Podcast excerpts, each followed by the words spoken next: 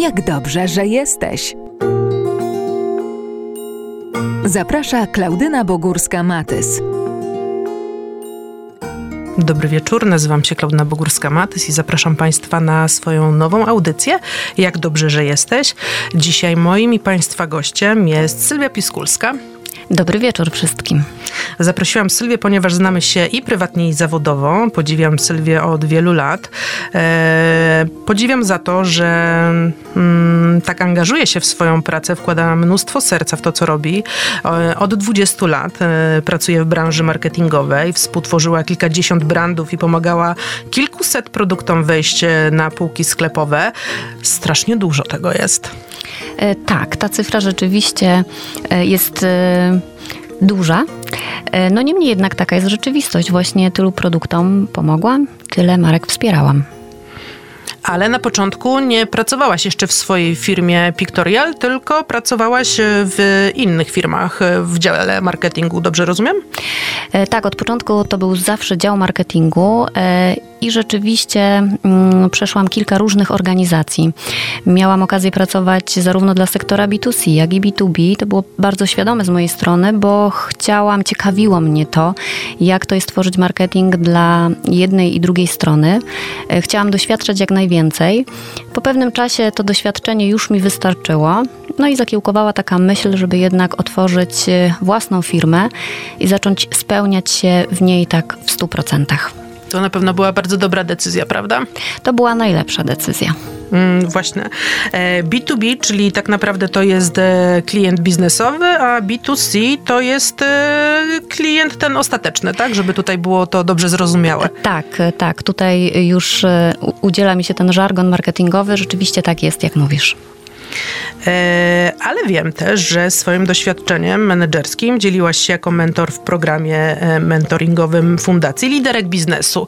E, jakie to było doświadczenie? To było fantastyczne doświadczenie, ponieważ ja uwielbiam się dzielić tym, co wiem, tym, co, mm, tym czego doświadczyłam tym, co czuję, tak naprawdę na każdym jakby możliwym poziomie i uważam, że z tego płynie największa nauka. E, jeśli poprzestawać tylko na teorii, to ta wiedza jakby nie jest tak mocno przyswajalna, przynajmniej ja mam takie odczucia. Jeżeli natomiast zaczynamy dzielić się doświadczeniem albo słucham kogoś, kto dzieli się tym swoim doświadczeniem, to dla mnie taka nauka jest najcenniejsza. Dlatego postanowiłam wejść e, w to mm, dzielenie się tą swoją wiedzą i doświadczeniem w ramach e, liderek biznesu. Mm, inicjatywa bardzo mi się spodobała od samego początku e, i rzeczywiście miałam tą przyjemność być w roli mentora. E, natomiast mi przydzielono tak zwanego menti, było ich e, kilku.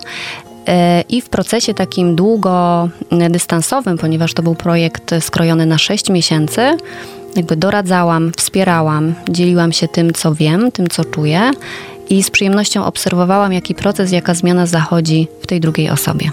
A jakbyś właśnie tutaj nam wytłumaczyła to menti i mentor, żeby to też było dla nas jasne i zrozumiałe? Mentor to jest osoba, która dzieli się doświadczeniem. Mhm. E, menti to jest osoba, która przyjmuje doświadczenie.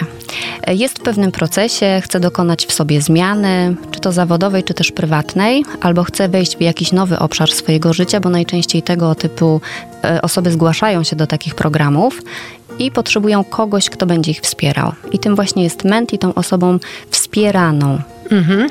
E Jakie najczęściej pytania czy problemy właśnie zgłaszały te osoby, e, dla których byłaś mentorem? Najczęściej mm, e, to są osoby, które mm, stają przed jakimś wyzwaniem albo mm, stoją na, w sytuacji, w której doświadczają pewnego kryzysu. Do końca same nie wiedzą, co się dzieje, ale czują, że potrzebują zmiany w swoim życiu. E, zmianie najczęściej towarzyszy lęk, towarzyszy strach, wobec czego mają też świadomość, że nie do końca same sobie z tym poradzą. Chcą skorzystać z wiedzy kogoś, kto tą zmianę niejednokrotnie przechodził. E, I to jest właśnie taka sytuacja. E, najśmieszniejsze jest to, że bardzo często Menti wychodzi z założenia, że tej zmiany oczekuje w życiu zawodowym. I okazuje się w toku rozmów, że tak naprawdę zadziewa się zmiana w życiu prywatnym i to ogromna. Zresztą e, to jest taki bardzo rozległy proces, który do, zaczyna dotyczyć wielu obszarów życia. bo nie dokonuje się zmiany jednego elementu. Najczęściej to jest takie zło, rozłożone na kilka różnych puzli i dotykamy ich wszystkich. Więc jest to ciekawe y, z punktu widzenia mentora mm, takie ja przynajmniej mam doświadczenie bardzo satysfakcjonujące, bo też widzę, co się zadziewa, widzę, w jakim kierunku ta zmiana y, podąża, y, a na samym końcu widać pewien rezultat. Czy ktoś tą zmianę przeszedł i gdzie wylądował, gdzie jest, gdzie był. Mm, dlatego też nie poprzestałam na byciu mentorem jakby jednorazowo, tylko weszłam w ten proces wielokrotnie, ponieważ to dawało taką namacalną wartość i, i lubiłam ten czas. Ale to niesamowite, wiesz co, że e, opowiadasz o tym, jak e, spotykacie się na warsztatach związanych z marketingiem, e, a tak naprawdę robicie porządek w życiu prywatnym i dodatkowo również w zawodowym. Nigdy w ten sposób na to nie patrzyłam, że, że trzeba gdzieś coś poukładać, żeby później mieć też, nie wiem, owoce na płaszczyźnie zawodowej. Mówię o, typowo o marketingu, bo rozumiem, że te warsztaty były związane stricte z marketingiem. Właśnie nie. Aha. Jako mentor mentor. E, mentorem mogła być osoba niezależnie jakby od branży, w jakiej mhm. jest. E, wystarczyło pewne doświadczenie e, no, oczekiwano tego, żeby, żeby to jednak była osoba dość mocno doświadczona w tym życiu zawodowym, żeby stało za nią pewne konkretne jakby aktywności, których się podjęła, bo tym łatwiej jest później komuś jakby doradzać, czyli ktoś, kto przeszedł pewien proces. No, upatrywano takiego procesu we mnie. Ja pamiętam, że na początku też było we mnie pewnego rodzaju wahanie, w jaki sposób ja mogę kogoś wesprzeć. I czy, tak jak mówisz, słusznie zauważyłaś, czy to będzie wyłącznie taka sfera marketingowa, czy ja będę potrafiła mówić o czymś więcej niż tylko o marketingu. E, ale okazało się, że tak, że tak naprawdę ten marketing, on się pojawiał jako pewne elementy, w moim przypadku, kiedy to ja byłam w roli mentora, ale tak naprawdę to poszło dużo, dużo dalej. Czyli mentorem staje się nie dlatego, nie dlatego zaproszono mnie do tego programu, że e, byłam doświadczona w marketingu, ale dlatego, że mm, jakby ktoś miał przekonanie, że swoją wiedzą i doświadczeniem jestem w stanie kogoś wesprzeć. Tak naprawdę mentorem może być każdy. To powiedz mi, ilu osobom udało Ci się pomóc e, podczas e, tych spotkań? Ojej, nigdy tego nie liczyłam. Y pięć, sześć. Mhm. To, taki, to takie osoby będące w procesie, ponieważ y, no, każdy program trwał 6 miesięcy. To była taka opieka e, długofalowa. Nie jednorazowe spotkanie, tylko rzeczywiście taka długofalowa opieka.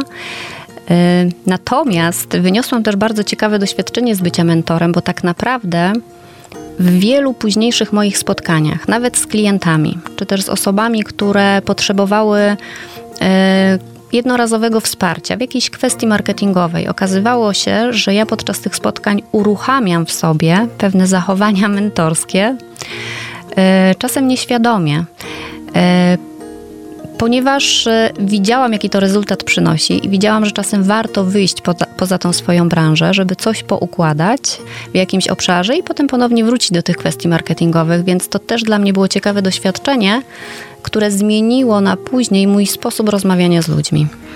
E, tutaj w Twoim bio przeczytałam, że lubisz e, wspinać się wysoko, by zyskać szerszą perspektywę. E, jest to na pewno pomocne w Twojej pracy, czyli kiedy zaczynasz pracować nad projektem.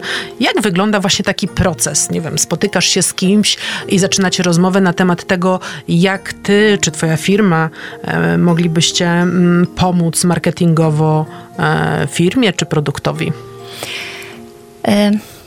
Jak wygląda taki proces? Mm, wiesz, zaczynam zawsze od jednego i jest to dla mnie najważniejszy etap, czyli od wysłuchania potrzeby.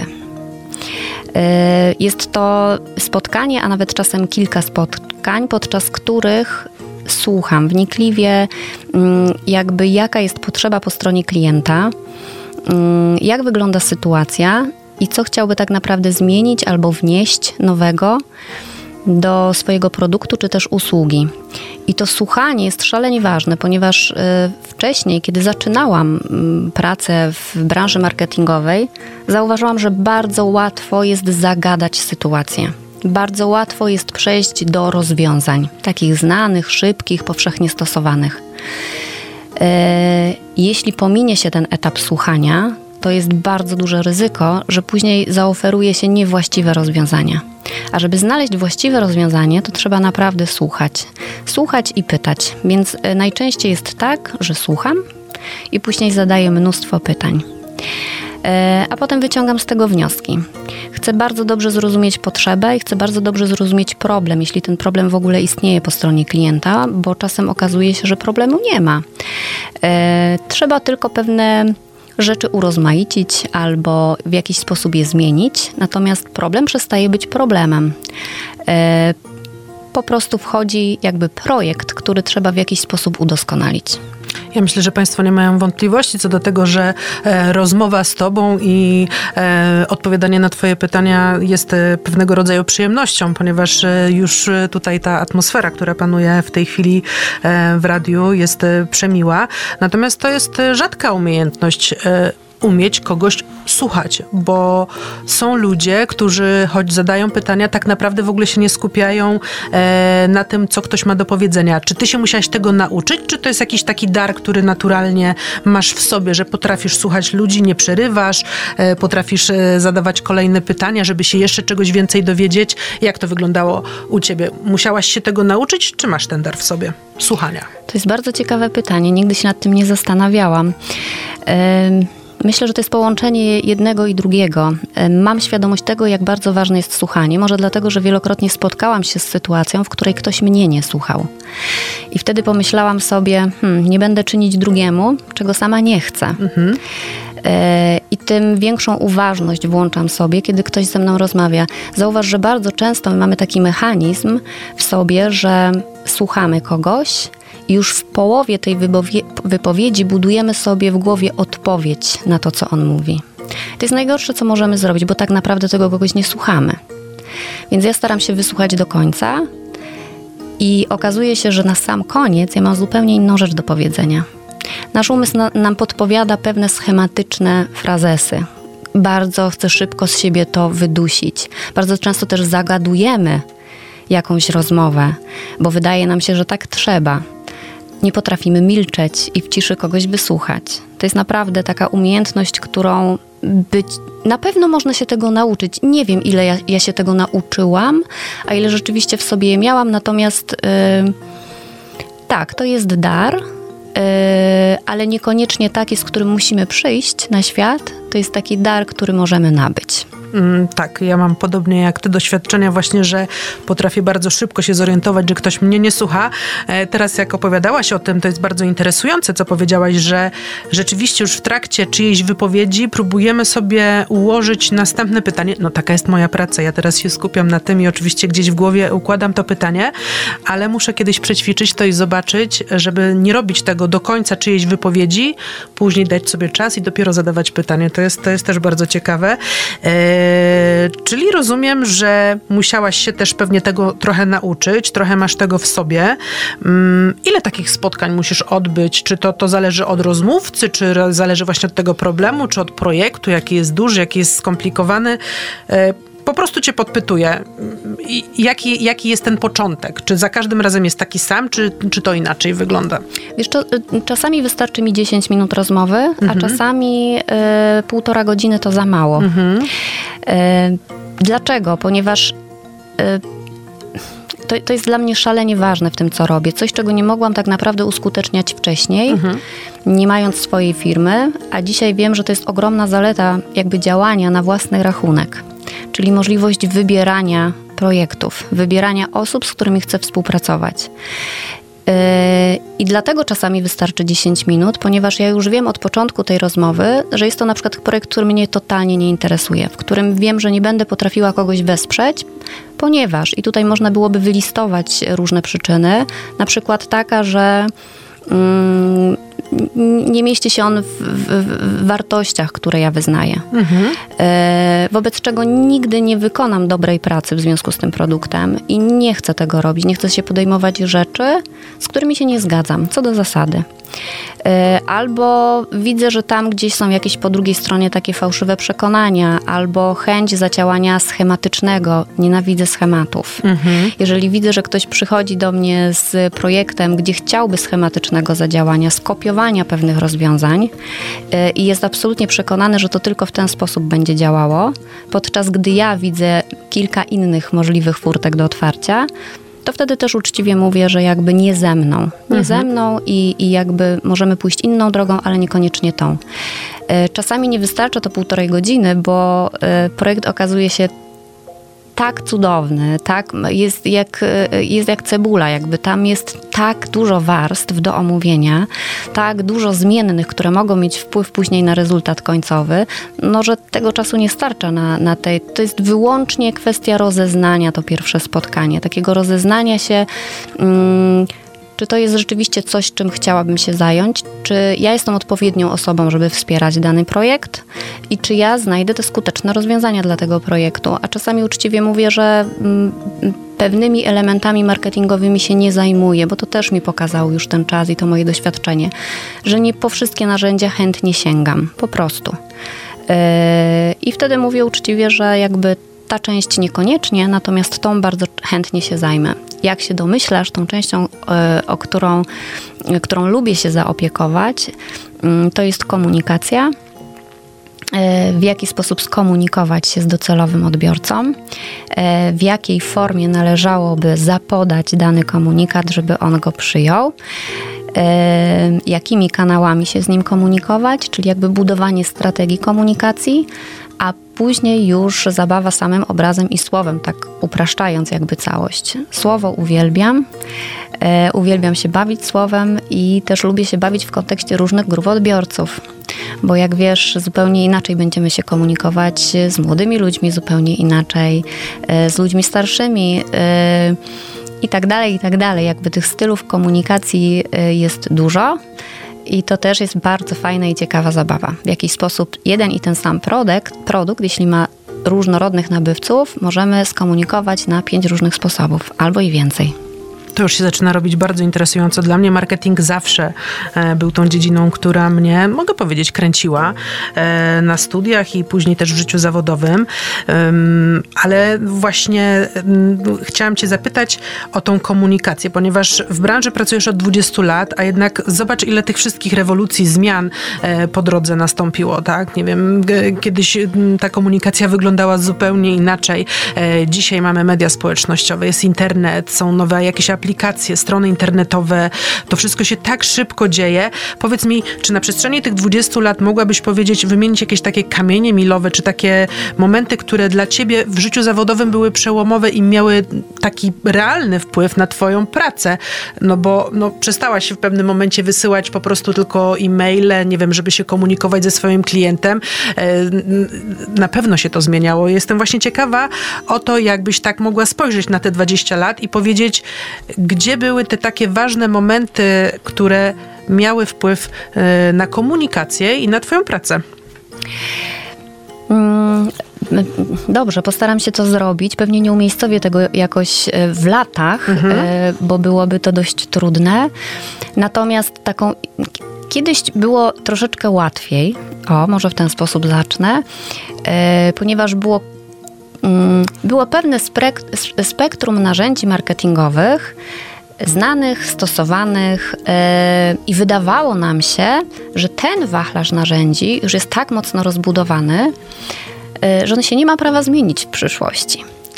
E, ale okazywało się, że tak naprawdę każdy rok coś zmienia i tym kamieniem milowym chyba największym i takim najbardziej odczuwalnym dla wszystkich, nawet dla tych, którzy w marketingu nie siedzą, e, no to jest to przejście do online'u, z tak zwanego offline'u do online'u. I tutaj się zaczęło. I tutaj e, okazało się, że nie tylko większość komunikacji się tutaj przeniosła, e, ale zmieniła się też forma komunikacji. Okazało się, że mamy dużo więcej kanałów, czyli tych e, możliwości komunikowania się z odbiorcami. Musieliśmy uruchomić już nie tylko jakby swoją wiedzę na temat tego, w jaki sposób dotrzeć do tych odbiorców, ale wyobraźnie, bo co nas ogranicza w internecie? No wyłącznie wyobraźnia. Tam jest jeszcze całe mm, wielkie pole do odkrycia. I chyba to jest najważniejsze w tym marketingu, żeby nie poprzestawać na tym, co jest dzisiaj, yy, tylko być gotowym na to, że jutro może się to totalnie zmienić. I lubić tą zmianę, bo też nie wyobrażam sobie, yy, by tej pracy mogła się podjąć osoba, która nie lubi zmian.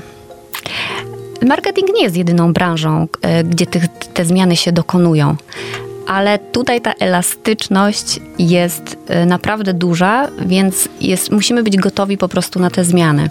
Ale troszkę odbiegłam, zdaje się, od Twojego pytania, więc myślę, że ten kamień milowy to, to rzeczywiście to przejście do online'u. Um, i też kamieniem milowym gdzieś tam po drodze był taki moment, w którym zaczęliśmy mm, patrzeć troszkę inaczej na tych naszych odbiorców. Kiedyś było tak, y, mówię o pewnej większości, że wszystkich naszych odbiorców wkładaliśmy do takiego jednego wora. E, potem zaczęliśmy się temu workowi przyglądać i segregować tych klientów. To się nazywa segmentacja. I zaczę zaczęło się w marketingu uskutecznianie czegoś, czego się wcześniej nie robiło, albo kto robił, y, robili to nieliczni tak naprawdę, czyli zaczęliśmy z tego worka wyciągać takie mniejsze woreczki tych klientów. I okazało się, że żeby dotrzeć do skutecznie do całego worka, musimy poznać pot potrzebę każdego mniejszego woreczka i zastosować czasem inne narzędzia, inny sposób komunikowania się.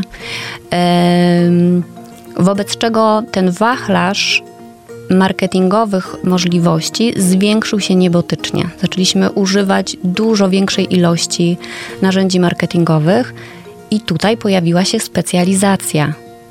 E, kiedyś dział marketingu w firmie zajmował się wszystkim, mhm. prawda? Tak. Dzisiaj jest tak, że ten marketing jest podzielony, jest wyspecjalizowany. Mamy kogoś od PR-u, w tym PR-ze też są jeszcze poszczególne e, działania wyodrębnione.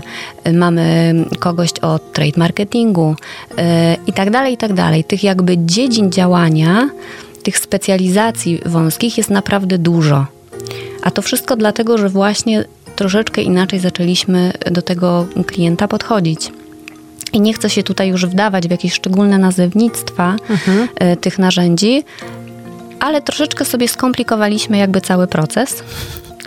Bo gdybyśmy się jeszcze cofnęli 20 lat wcześniej, a dzisiaj, to tak, to wygląda bardziej skomplikowanie, przez co pewnie jest też bardziej skuteczne. A to ciekawe, że skomplikowane i przez to jest bardziej skuteczne. E, ja mam wrażenie, że tego jest tego tak strasznie dużo, e, że chciałoby się część znowu poodcinać i znowu wrócić do czasu, kiedy było tego trochę mniej, e, bo mam wrażenie, że strasznie przyspieszyliśmy ze wszystkim w swoim życiu właśnie przez te nowinki, przez tą całą technologię, przez to, co, czym jesteśmy bombardowani, no bo tak bym to nazwała. No właśnie, a jak stosować marketing, który nie jest takim bombardowaniem, tylko jest taki miły, bo nie ukrywam, że ja uwielbiam obserwować jakieś ciekawe kampanie, jakieś e, ciekawe filmy. E, mówię o reklamach oczywiście tutaj, czy nawet e, billboard, ta gra słowem i obrazem, o której ty mówisz. Ja uważam, że to jest, to jest sztuka, żeby zrobić coś, co na lata ludzie będą pamiętali, czy hasło reklamowe, czy właśnie kojarzyli jakiś obraz z jakimś słowem. To zajmuje na pewno bardzo bardzo, dużo czasu. Powiedz mi, czy ty masz na koncie taką jakąś swoją ulubioną kampanię? Nie chciałabym tutaj, nie wiem, przekroczyć jakichś granic, których nie możemy przekroczyć. E, możemy nie skupiać się konkretnie na jakiejś firmie, nazwie, ale e, nie wiem, może produkt, e, jakiś twój ulubiony, przy którym miałaś największą frajdę i wiesz, że, że nie wiem, teraz Polacy powtarzają coś, co sama wymyśliłaś. Rzeczywiście mm, pewnie pewnie nie wskażę tutaj konkretnych e, mhm. brandów. Natomiast e, wiesz, co dla mnie jest e, takim dobrym marketingiem? Kiedy on jest wiarygodny. Zauważ, że kampanie po odczytaniu których albo po obejrzeniu których czujesz, że stamtąd płynie taki bardzo wiarygodny i jasny przekaz, jesteś w stanie uwierzyć w ten produkt albo w usługę, to to jest właśnie to, co robi najlepszą robotę. Mhm. Czyli nie uciekanie się do jakichś takich chwytów, e, kiedy próbujemy mm, zyskać e, atrakcyjność przekazu poprzez takie rzeczy na fałszywe. Mm, I jakby to, to bardzo często można poczuć. To bardzo często oglądając, y, przyglądając się pewnej kampanii, jakby od razu ty wiesz, czy to jest dla ciebie, czy nie. Czy tam jest fałsz, czy tego fałszu nie ma. Y, wiesz, i mnie często zastanawiają takie kampanie, choćby telewizyjne, w których ja od razu wyczuwam tą nutę fałszu. Ja wyczuwam, że to jest sztuczne, że to jest takie y, napompowane, czymś nieprawdziwym. I zastanawiam się, kto dopuścił do realizacji tej kampanii. Czy mhm. naprawdę po drugiej stronie jest odbiorca, który się na to nabierze? I wiesz, być może jest. Być może tak jest, że w tej masie ludzi y, y, znajduje się taka grupa, która się na to nabiera. Uwielbiam więc i kibicuję tym markom i tym produktom, które, które robią ten kam kampanię w sposób bardzo wiarygodny. Nie udziwniają, nie mówią o wartościach swoich produktów czy usług yy, w taki sposób, żeby przekłamać, że rzeczywiście te wartości za tym produktem czy też usługą stoją. I to jest świetne. Ja uwielbiam minimalizm, więc jakby chętnie mm, przyglądam się takim markom, które idą w ten minimalizm. Tak jak mówisz, mamy wrażenie, że tego wszystkiego jest za dużo, że jesteśmy bombardowani, więc ten minimalizm do mnie też osobiście trafia. E, więc ja myślę, że ta wiarygodność to jest coś, co powoduje w mojej osobistej ocenie, czy to jest dobry marketing, czy to nie jest dobry marketing. Bardzo lubię Ciebie słuchać, bardzo lubię e, Ciebie czytać. E, no, nie byłabym sobą, gdybym tutaj nie powiedziała, że, e, że dodatkowo od niedawna uruchomiłaś swój blog. Mm, jak on się nazywa? Mogłabyś przypomnieć nazwę? Antajastory Właśnie, antajastory.com przeczytałam. Ehm, przez to, że się znamy, wiem, że, że, że tam jest dużo Twojego prywatnego życia w tych historiach, prawda? No tak, bo najlepsze historie pisze życie i każdy z nas ma piękne historie. E, piękne zarówno w tym kontekście, że one czasem mogą zatrważać tym, co tam się zadziewa, a czasem mogą zachwycać, ale to są cały czas piękne historie. Ponieważ lubię słowo pisane, e, kiedyś przyszła do mnie taka myśl, takie uczucie, że e, słuchaj, weź to spisz spisz to, bo, bo przecież to lubisz, to po pierwsze. A po drugie, wiesz, ja pisząc bardzo często rozprawiam się z pewnymi rzeczami. To jest taka moja forma terapii. I rzeczywiście kilka takich opowiadań powstało, dałam to komuś przeczytać i no i ten ktoś stwierdził, że wiesz, mm, bardzo mnie porusza to, co piszesz, a świat będzie lepszy o każde, nawet najmniejsze poruszenie. No i to do mnie tak dotarło mocno i stwierdziłam, okej, okay, yy, dobrze, wyjdę z tym. I oczywiście tak, one mówią również o moim życiu prywatnym, yy, albo czasami jakiś wątek z mojego życia prywatnego jest po prostu kanwą dla danego opowiadania, yy, ale wierzę w to, że ty tam znajdziesz kawałek siebie, ktoś tam znajdzie kawałek Już znalazłam. siebie. Mam nadzieję, że one po prostu mm, może zainspirują, może pomogą, może komuś otworzą oczy, może ktoś się właśnie na chwilę e, zaduma nad tym. I to wystarczy. No ja nie ukrywam, że czekam na kolejne, ponieważ na razie jest tylko kilka. Są przetłumaczone na język angielski. E, taki był pomysł od samego początku, że właśnie chciałaś się tym tak międzynarodowo podzielić? Tak, e, od samego początku myślałam o tym, żeby pójść troszeczkę szerzej, e, ponieważ pomyślałam sobie, hmm, takich ludzi jest więcej i oni żyją nie tylko w Polsce. I rzeczywiście jestem, wiesz, w kilku takich grupach y, międzynarodowych, gdzie widzę, że jest taka potrzeba wyjścia z, z tego typu, na przykład opowiadaniami, jakimś przekazem. I stwierdziłam, czemu miałabym się ograniczać? Przecież ja siebie nie lubię ograniczać. Y, to jest dość kłopotliwe, bo wiesz, trzeba zadbać jakby o dwie wersje językowe, ale czuję, że to zaowocuje na przyszłość i takie otwarcie się to też jakby no, wychodzę z pewnego schematu takiego bezpiecznego. Zobaczymy, co to przyniesie, ale mam takie przeczucie, że to jest dobry kierunek. Ja też mam takie przeczucie, polecam Państwu bardzo serdecznie, żeby wejść, przeczytać, zapoznać się z tym. Ja w ogóle lubię czytać e, Twoje artykuły, nie tylko opowiadania, o których mówimy w tej chwili. Rzeczywiście masz e, fantastyczne, lekkie pióro, dobrze się Ciebie i słucha, e, i czyta. Właśnie to opowiadanie historii, bo już wracamy z powrotem do marketingu, to opowiadanie historii jest szalenie ważne tutaj w branży marketingowej, prawda? To jest ten storytelling, dobrze tutaj kojarzę, że, że to jest właśnie to. Bardzo dobrze dobrze kojarzysz. Wiesz, cała ta moja praca to jest tak naprawdę pomoc w opowiadaniu historii czyjejś firmy, pomoc w opowiadaniu historii czyjegoś produktu, czyje, czyjejś marki. Tak naprawdę to jest wszystko. Yy, to jest jakby, to się zamyka w tym słowie komunikacja. My uwielbiamy historię, uwielbiamy anegdoty, uwielbiamy opowiadania, więc sposób, w jaki opowiadam o danym produkcie, jest szalenie istotny. Można to zrobić bardzo sztampowo, bardzo oficjalnie, ale można to zrobić w inny sposób i do tego innego zachęcam, żeby trochę wypaść z takich masowych y, działań i wejść sobie na taką ścieżkę, czasami eksperymentalną, y, która pokazuje, że można naprawdę w inny sposób mówić o produktach. Powiedz mi, czy zdarzają się klienci, którzy po prostu chcieliby tak wszystko na już, na teraz, tacy w gorącej e, wodzie kompanii, e, którzy uważają, że te twoje pytania, spotkania, półtorej godziny, opowiadanie historii nie ma sensu, ponieważ oni by chcieli, żeby po prostu coś szybko wprowadzić i żeby były szybkie tego efekty. Wiesz co, kiedyś już z takimi ludźmi pracowałam, pracując w korporacji, pracując w jakichś organizacjach, większych czy mniejszych.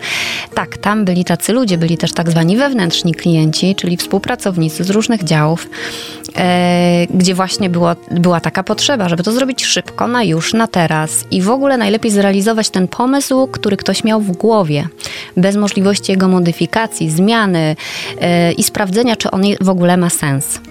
No ale dzisiaj szczęśliwie mogę powiedzieć nie takim projektom. Więc jeżeli, e, chyba nie, nie, zdarzyło mi się szczerze mówiąc e, realizować projekt, kiedy to klient mówił, ja to chcę zrobić w taki sposób i najlepiej na wczoraj. E, po prostu nie przyciągam takich ludzi e, i myślę, że mm, nauczyłam się mówić nie w odpowiednim momencie. Dobrze, a jeśli są wśród naszych e, słuchaczy osoby, które właśnie stoją przed jakimś, nie wiem, problemem marketingowym, czy jakąś e, potrzebą stworzenia jakiejś swojej wizji, strategii marketingowej, e, czy mogłabyś podpowiedzieć, e, od jakich pytań powinni sami przed sobą zacząć, albo e, no tak, po prostu, żebyś im podpowiedziała, e, na czym się skupić, na co zwrócić uwagę, tak krok po kroku, tak delikatnie. E, bardzo chętnie, bo wiesz, to jest bardzo ciekawe pytanie.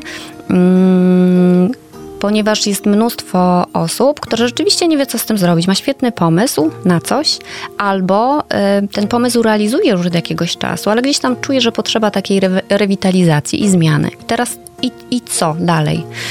Więc y, mogę podpowiedzieć kilka pytań, na które warto sobie odpowiedzieć w takim momencie. I tu się uśmiejesz, bo to będą bardzo oczywiste pytania. Takie oczywiste pytania. E, tylko nam się wydaje, bo my znowu idziemy w komplikowanie sobie życia, że to muszą być bardzo złożone i bardzo takie docelowe pytania. A tu chodzi o to, żeby sobie odpowiedzieć, w jakimkolwiek punkcie, w jakimkolwiek e, procesie jakby tego produktu, usługi jesteśmy, czy zupełnie na początku, czy gdzieś w środku, żeby czasami się zatrzymać i sobie zadać pytanie dla kogo robię ten produkt? Powiedzmy, że jest to produkt. Banalne pytanie, prawda? Robię to już od wielu lat i wydaje mi się, że wiem, dla kogo robię. Ale tak naprawdę rynek się zmienia i odbiorcy się zmieniają. I czy to jest wciąż ta sama grupa odbiorców? Do kogo ja chcę z tym dotrzeć? Czyje zainteresowanie chcę wywołać? I to pod różnym kątem, jakby tutaj analizujemy. Kto to jest? E, czy ktoś e, z zasobnym portfelem, czy ktoś może z małym portfelem, e, czy konkretna grupa odbiorców, czy bardzo szeroka grupa odbiorców. Gdzie ich znajdę? Kolejne pytanie. Gdzie ja tych moich klientów znajdę? Czy będę ich szukał online, czy wyłącznie offline?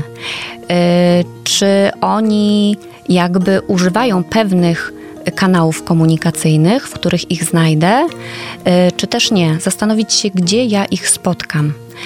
E, bo to też ewoluuje. I dzisiaj ich spotkam tutaj, ale za rok prawdopodobnie spotkam ich jeszcze tam. I warto to sobie jakby w plan pewien ułożyć działania. Jakie wartości, to jest trzecie ważne pytanie, jakie wartości stoją za moim produktem? Czy tego typu produkt, możemy to sobie odnieść również do usługi, jest pewnym standardem na rynku yy, i jest podobny do wielu innych? czy też jest to coś unikatowego, co mam. Wystarczy czasem jeden element, żeby na tym jednym elemencie tej unikatowości zbudować wartość całego produktu. Czy ten mój produkt i usługa ma coś szczególnego, czego nie mają inni? Spróbować to nazwać. Yy, I wiesz, czasem tym szczególnym elementem jest rzecz bardzo oczywista, y, tylko nikt nie robi z tego mm, jakiejś wartości tego produktu, ponieważ wydaje nam się, że ale to przecież każdy wie, ale to przecież każdy wie, że ten produkt to ma. No nie, nie każdy. Yy Czasami jest tak, że rzeczywiście zadaję takie pytania, tak drążę, drążę, ale co ten twój produkt, ale z czego on się składa, ale może tutaj znajdziemy coś ciekawego, słuchaj, a może od strony produkcji, a może od tej strony, a jak ty to robisz? I czasem jak tak dociskam, dociskam i zadaję sobie kolejne pytanie, to nagle okazuje się, że wow, tam jednak jest coś innego. Coś, co właścicielowi wydawało się bardzo oczywiste, a jednak dla odbiorcy oczywistym nie jest. Więc tak naprawdę to są Wystarczą na początek te trzy pytania. Tylko zrobić to bardzo uczciwie. Zapytać czasem kogoś innego o jego perspektywę, bo czasami też jest tak, że my poprzestajemy na swoim punkcie widzenia i to nie jest dobre. Zapytać innych, y, jak ty to widzisz. I tutaj może paść bardzo ciekawa podpowiedź ze strony drugiej osoby, czy też osób, w jaki sposób możemy dalej rozwinąć też nasz produkt mogłabym tak ciebie słuchać i słuchać i słuchać. Rzeczywiście mnóstwo serca i e, takiego ciepła jest w tym twoim podejściu do marketingu. E, tutaj mówisz, że też to poczucie wzajemnego zaufania jest szalenie ważne. E, ja myślę, że jesteś osobą, która wzbudza ogromne zaufanie i, i łatwo przychodzi e, rozmowa z tobą i otwieranie się. E, powiedz mi, mm, co najczęściej zaskakiwało, już tak na koniec, jakbyś mogła mi powiedzieć, co najczęściej zaskakiwało twoich klientów E, mm, czy pamiętasz takie sytuacje, że, że, że, że był ten moment, kiedy nagle e, było to wielkie wow, e, otwieranie szeroko oczu i mówienie, pani Sylwio, ja bym w życiu na to nie wpadł. Czy były takie sytuacje w twojej karierze?